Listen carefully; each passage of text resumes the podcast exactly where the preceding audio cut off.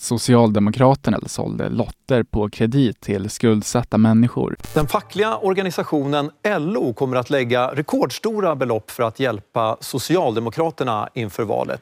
Socialdemokratin genomsyrar Sverige oavsett vem som har regeringsmakten. Är detta ett resultat av det svenska folkets autentiska solidaritet eller är det en konsekvens av demokratisk korruption?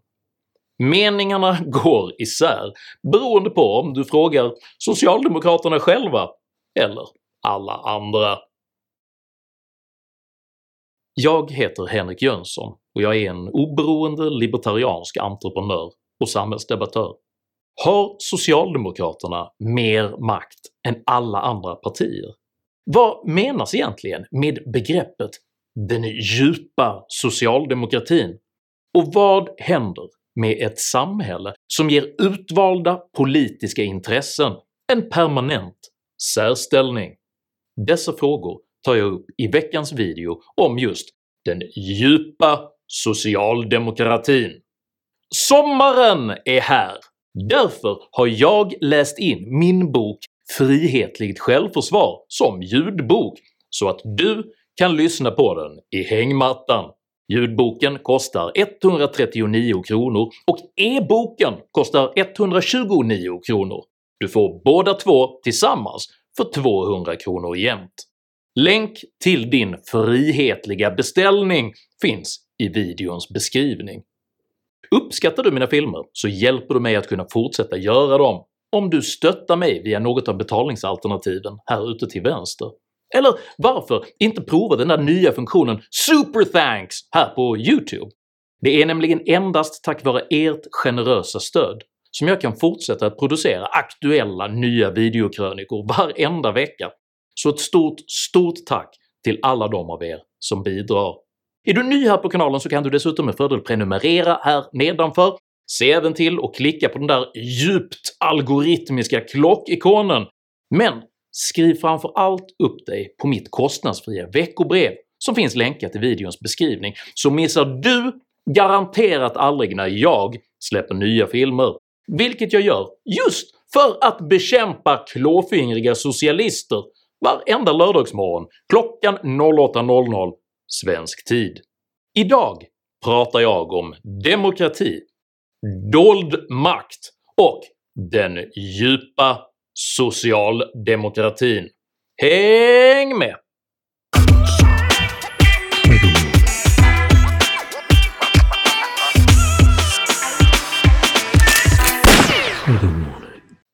Nedom havsytans dunder, i avgrundsdjupets grav, i drömlös sömn därunder, kraken bölja i vårt hav. Oändliga polyper på armar likt en skog, de slingrar sig och kryper mot sjöfarares bog. Dessa rader är fritt översatta och förkortade ur den brittiske poeten Alfred Tennysons dikt “The Kraken” från 1830. Kraken är en mytologisk jättebläckfisk från den nordiska sjömanstraditionen och även om legendens väldiga monster inte existerar på riktigt så fortsätter jättebläckfisken att fascinera, både som varelse och som metafor för djupets dolda makt. Socialdemokratins djupa makt i det svenska samhället kan på detta sätt liknas vid en jättelik bläckfisk. Den skiftar färg för att kamouflera sig, den sprutar ut bläck för att dölja sig och den pumpar sina offer fulla med ett passiviserande gift innan den slukar dem. Men framför allt kännetecknas den av sina otaliga sugkoppsförsedda armar som med en primitiv självständig intelligens snirklar sig in i varenda skrymsle och vrå för att finna näring åt huvudorganismen. Socialdemokratins många armar har på precis detta sätt ätit sig så långt in i det svenska samhället att partiet just nu har nästan lika stora sammantagna intäkter som samtliga övriga partier tillsammans, trots att mindre än en tredjedel av svenskarna faktiskt stöttar partiet.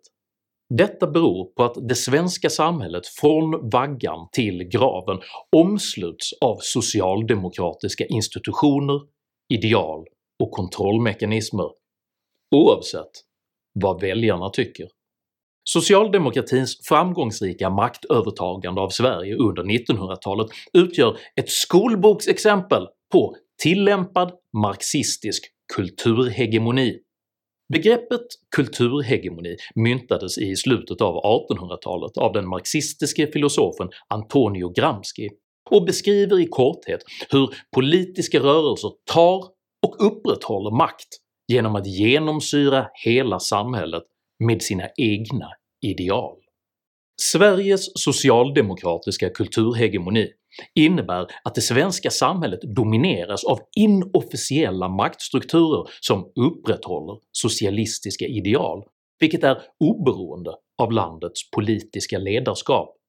Detta är berättelsen om hur den socialdemokratiska bläckfisken nästlade sig in i det svenska samhället och skapade en djup socialdemokrati.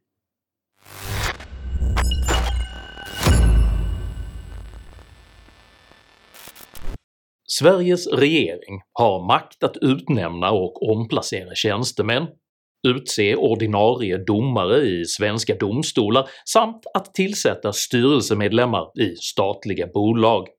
Sveriges grundlag kräver sedan 1809 att dessa utnämningar ska ske baserat på förtjänst och skicklighet, men samtidigt har hela 90% av alla politiska utnämningar under socialdemokraternas maktinnehav varit just socialdemokrater. I maj 2017 avgick till exempel Karin Jämtin från posten som socialdemokraternas partisekreterare och utsågs istället omedelbart till generaldirektör för biståndsmyndigheten SIDA. Detta skedde trots att Jämtin varken hade de kvalifikationer som tjänsten krävde eller att hon ens sökte tjänsten. Samma år skapade regeringen även den nya “Jämställdhetsmyndigheten” och rekryterade S-kvinnomedlemmen Lena Ag till dess generaldirektör utan att tjänsten utannonserades. Man tillsatte även den före detta socialdemokratiske statssekreteraren Jonas Bjelfvenstam som generaldirektör för Transportstyrelsen. 2018 tillsattes den socialdemokratiska ämbetskvinnan Charlotte Svensson som generaldirektör för Tullverket, socialdemokraten Therese Mattsson som generaldirektör för Kustbevakningen och socialdemokraten Anneli Rosvall som generaldirektör för Statskontoret. I september 2019 flyttades LO-utredaren Irene Wennemo direkt från sin position som socialdemokratisk statssekreterare till att bli generaldirektör för Medlingsinstitutet.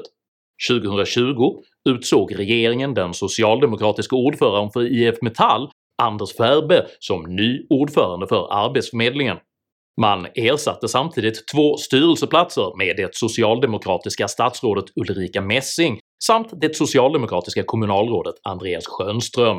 Och i september 2021 utsågs den socialdemokratiska ämbetskvinnan Charlotte Petri Gornicka till ny generaldirektör för Myndigheten för samhällsskydd och beredskap, efter att alltså ha lämnat tjänsten som generaldirektör för SIDA, vilken socialdemokraten Karin Jämtin som sagt nyligen tagit över. Är det verkligen rimligt att tro att socialdemokrater faktiskt är de enda som äger förtjänst och skicklighet i Sverige? Det genanta svaret på denna fråga avslöjades nyligen i samband med statsepidemiologen Anders Tegnells påstådda nya toppjobb på Världshälsoorganisationen. Utnämningen av Tegnell presenterades i svensk media som en självklarhet och kommenterades som en fråga som Tegnell inte kunde tacka nej till. Samtidigt sa sig Världshälsoorganisationen varken ha kännedom om någon förfrågan eller tjänst för Anders Tegnell.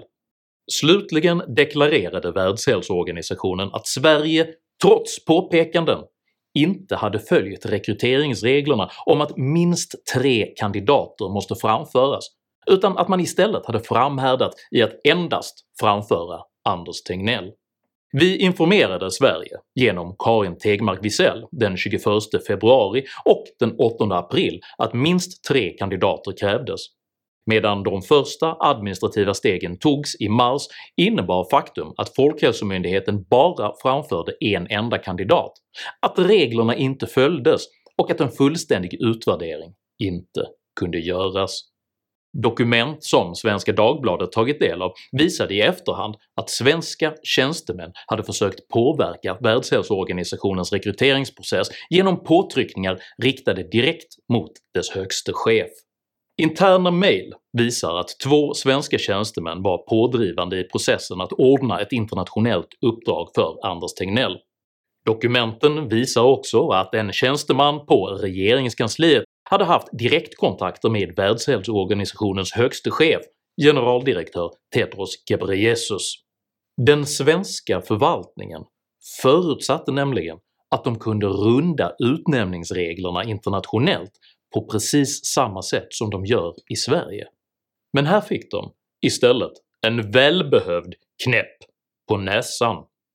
Socialdemokraternas flagranta missbruk av utnämningsrätten har politiserat hela den svenska förvaltningen, vilken klumpigt dessutom avslöjade sina egentliga lojaliteter i samband med valresultatet 2018.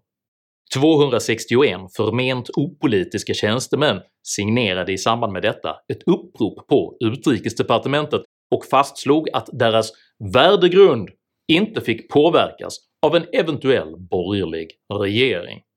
För att vara tydlig så innebär detta i princip högförräderi och uttrycker uppsåtet att medvetet obstruera den svenska demokratiska processen. Misstaget att öppet cirkulera denna typ av dokument kommer de politiserade tjänstemännen inte att göra om, men deras socialdemokratiska lojalitet kvarstår i tysthet. På detta sätt kontrollerar socialdemokratin Sveriges förvaltning. Till sin egen fördel.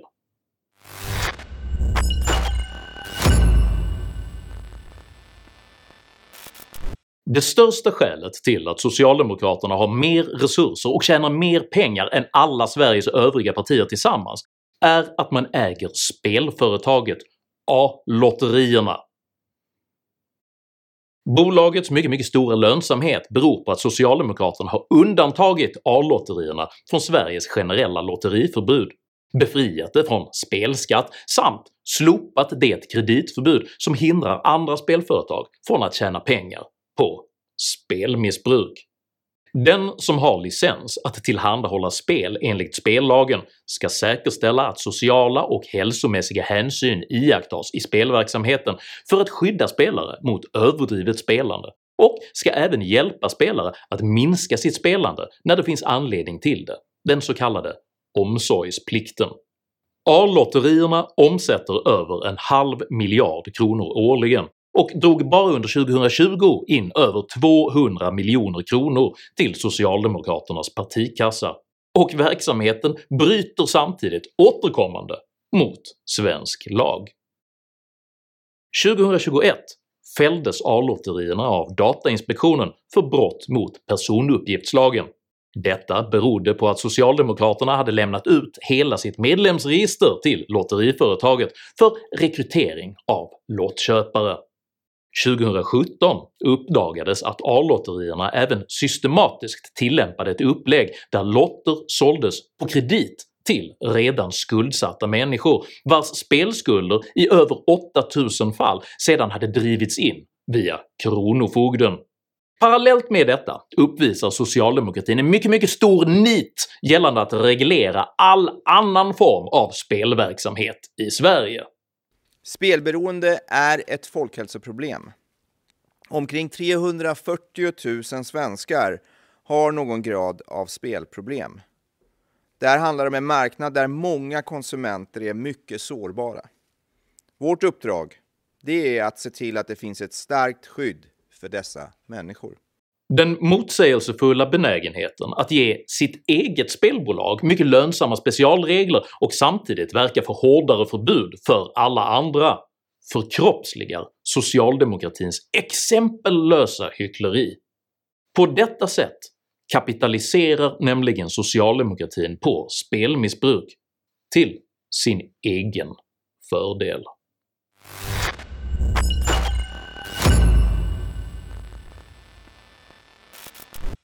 Socialdemokraterna och fackförbundsorganisationen LO är i grund och botten en och samma organisation.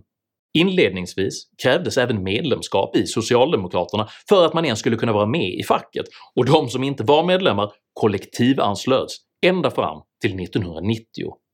Kollektivanslutningarna medförde enorma inkomster för socialdemokraterna, som i sin tur konsekvent agerade för att stärka LO och deras tillflöde av nya partimedlemmar genom att öka deras inflytande över den svenska arbetsmarknaden. På detta sätt byggde arbetarrörelsens två ben upp ett enormt och lukrativt partimedlemskap för socialdemokratin och gav samtidigt LO en politiskt framreglerad särställning på den svenska arbetsmarknaden. Löner, pensioner och arbetstider förhandlas i Sverige fram mellan de fackliga organisationerna och arbetsgivarna istället för att beslutas av riksdag, regering och myndigheter. Detta innebär även att den som står utanför facket i väsentlig mening saknar möjlighet att påverka sin arbetsplatssituation. Utöver detta har socialdemokraterna tilldelat facken den quasi-officiella befogenheten att administrera arbetslöshetskassan. Det går förvisso att vara med i en icke-facklig a-kassa, men eftersom facken sluter avtal som även omfattar icke-medlemmar är det även här omöjligt att påverka a-kasseavtalen om man inte är med i facket. Även lagen om anställningsskydd, som instiftades 1982, förfördelar de icke-fackligt anslutna eftersom nyckelroller i allmänhet förhandlas direkt med facket. Konsekvensen av detta är att de icke-fackanslutna löper större risk att förlora sina jobb i svåra tider. Utöver detta gjordes fackens medlemsavgift 2017 återigen avdragsgill trots att skattelagen i övrigt säger “Huvudregeln för fysiska personer är att avdrag inte medges för medlemsavgifter i föreningar och andra sammanslutningar” 9 kapitlet andra paragrafen andra stycket i inkomstskattelagen. Förbudet gäller inte bara avgifter till ideella organisationer utan också till fackliga organisationer, a-kassor, intresseorganisationer och vetenskapliga sammanslutningar av olika slag. Konsekvensen av detta är att alla Sveriges skattebetalare subventionerar socialdemokraterna genom medlemmarnas avdragsgilla fackavgifter, vilka sedan går till socialdemokraternas kampanjkassa. Socialdemokraterna har alltså avsiktligt skapat mycket mycket starka drivkrafter för att vara med i facket. LO finansierar som tack för detta socialdemokraternas valrörelser med enorma belopp. För att påverka LO måste man vara ett förtroendevalt ombud på LO-kongressen, och för att kunna bli detta så måste man enligt fackförbundens egna stadgar först och främst vara en lojal socialdemokrat. Finns det någon nedre gräns för hur få som kan rösta på eh, Socialdemokraterna och LO fortfarande fortsätter eh, att Nu är det ju inte de här eh, undersökningarna som styr det, utan det är ju de kongressbeslut som fattas var fjärde år. Så att, det är en fråga för kongressen. Så nej låter det som. Kan vara 10 socialdemokrater och ni fortsätter ändå? Vi hade kongress i månadsskiftet november-december nu 21 och där vi fick ett enhälligt beslut att vi ska ha facklig politisk samverkan med Socialdemokraterna. Sen är det precis som jag säger, varje enskilt förbund beslutar om sina stadgar, de fattar sina beslut och det är de som äger den frågan. På detta sätt kortsluter socialdemokratin hela den svenska arbetsmarknaden till sin egen fördel.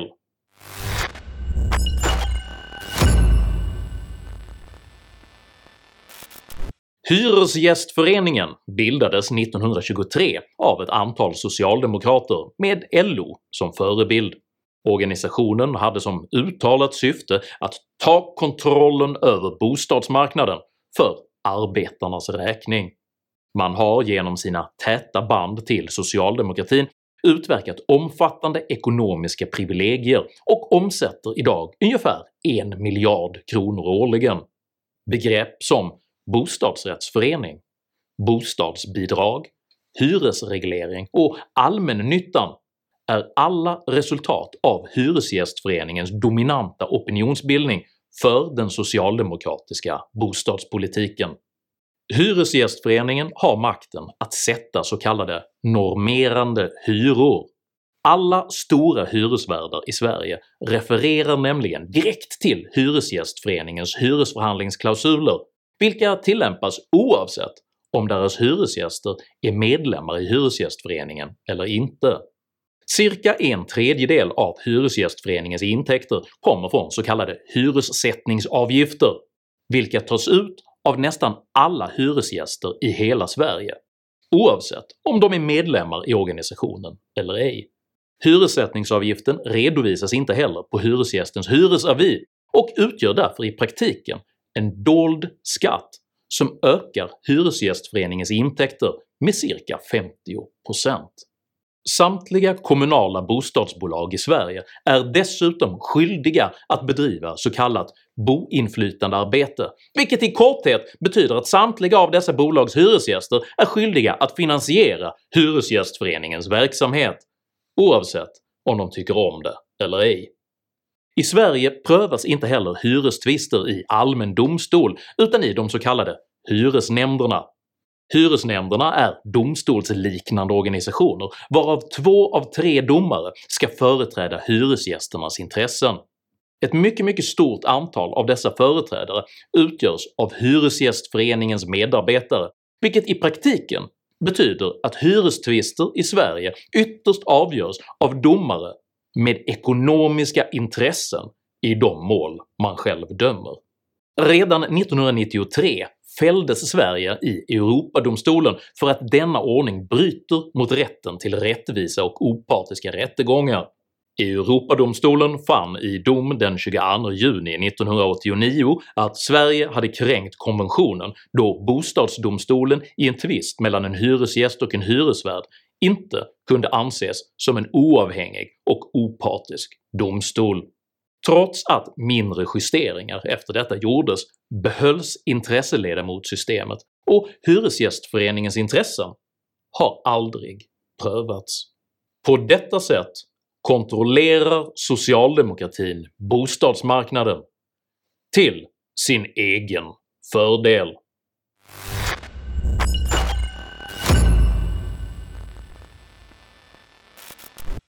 Arbetarnas bildningsförbund, eller ABF, bildades av socialdemokraterna 1912 som en socialistisk utbildningsverksamhet. ABF beskriver sig som partipolitiskt obundet trots att samtliga ordföranden och förbundssekreterare genom hela verksamhetens historia har varit socialdemokrater. I förbundets stadgar står även uttryckligen att förbundets ambition är Arbetarnas bildningsförbund vill genom en fri och frivillig bildningsverksamhet grundad på jämlikhetens, solidaritetens och demokratins principer främja och själv deltaga i en samhällsomdaning i överensstämmelse med arbetarrörelsens grundläggande värderingar. Denna socialistiska samhällsomdaning finansieras till en nota på en halv miljard kronor årligen via det statliga Folkbildningsrådet. Folkbildningsrådet är en statlig myndighet med uppgiften att fördela skattemedel till det diffust definierade ändamålet folkbildning. Men vi, vi kan engagera hela landet där vi är verksamma. Och den tredje är att det är viktigt att vi har ett folkligt engagemang, organisationer, rörelser ute i hela landet. Och därför så kommer vi att ha möjlighet genom de medel vi har fått för det här att ge ett stimulansstöd till olika eh, verksamheter. Man kommer att kunna komma in ifrån folkhögskolor och studieförbund och, och, och ha ett upplägg och ha en dialog med oss och se att man kan kunna få ett stöd eh, till att genomföra en verksamhet som annars kanske inte hade varit möjlig. Både fördelning och uppföljning lämnas till folkbildningsparterna själva. Det finns inget oberoende granskningsorgan. Det finns inga fastlagda kursplaner. Det finns inget formaliserat regelverk. Trots att Folkbildningsrådet fördelar 2 miljarder skattekronor årligen finns i stort sett ingen insyn i rådets fördelningsprocess. Samtidigt görs återkommande rapporter om fusk, bedrägerier och oegentligheter hos både Folkbildningsrådet och hos studieförbunden. Enligt en debattartikel i Dagens Nyheter uppskattar föreningsaktiva visselblåsare att mellan 60 och 70% av studieförbundens verksamheter består av fusk. Föreningarna beskrivs återkommande jaga personnummer i syfte att utöka sin medlemslista och därigenom sitt bidragsunderlag. Om vi riskerar att inte nå årets mål med deltagare på någon ort brukar vi ordna en fest med gratis mat för att få in fler personnummer. Bara i Göteborg landade det totala antalet deltagare i föreningsaktiviteter under perioden 2017-2019 på drygt 4,5 miljoner. Siffran för hela riket beräknas vara 24 miljoner deltagande individer. På detta sätt utnyttjar socialdemokratin föreningslivet som en skattefinansierad opinionsbildningsorganisation till sin egen fördel.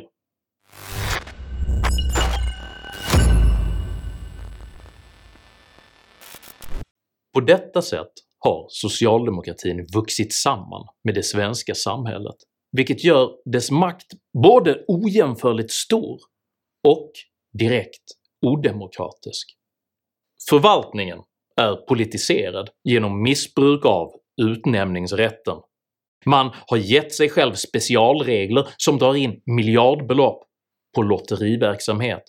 Man har gett sina egna fackförbund en särställning i kontrollen över den svenska arbetsmarknaden, vilka tvångsmässigt sedan finansierar socialdemokraternas valkampanjer. Man har gett sin egen hyresgästförening unika befogenheter för att kunna styra den svenska bostadsmarknaden. Och man har skapat ett skattefinansierat opinionsbildningsorgan genom ABF och Folkbildningsrådet utan vare sig genomlysning eller kontrollmekanismer. Utifrån detta perspektiv har ett politiskt maktskifte endast en kosmetisk funktion eftersom resten av samhället opåverkat kontrolleras av den djupa socialdemokratin. Tycker du att den demokratiska processen bör skyddas från politiserade tjänstemän och från ideologiskt särbehandlade verksamheter? I så fall tycker jag att du ska dela den här videon med dina vänner, och varför inte prenumerera på min YouTube-kanal när du ändå är i farten? Har du egna erfarenheter av den djupa socialdemokratin? Dela i så fall gärna med dig av dina erfarenheter i kommentarsfältet här nedanför. Jag samlar nämligen på information av denna typ och uppskattar all respektfull kommunikation. Kom dock ihåg att alltid vara artig, även mot dina meningsmotståndare. Jag accepterar inte aggression, personpåhopp eller rasism i mina idédrivna kommentarsfält. Tack för att du som kommenterar respekterar detta. Jag heter Henrik Jönsson och jag vill ha så lite stat som möjligt, i synnerhet om den är en djup socialdemokrati. Tack för mig och tack för att ni har lyssnat. Häng med!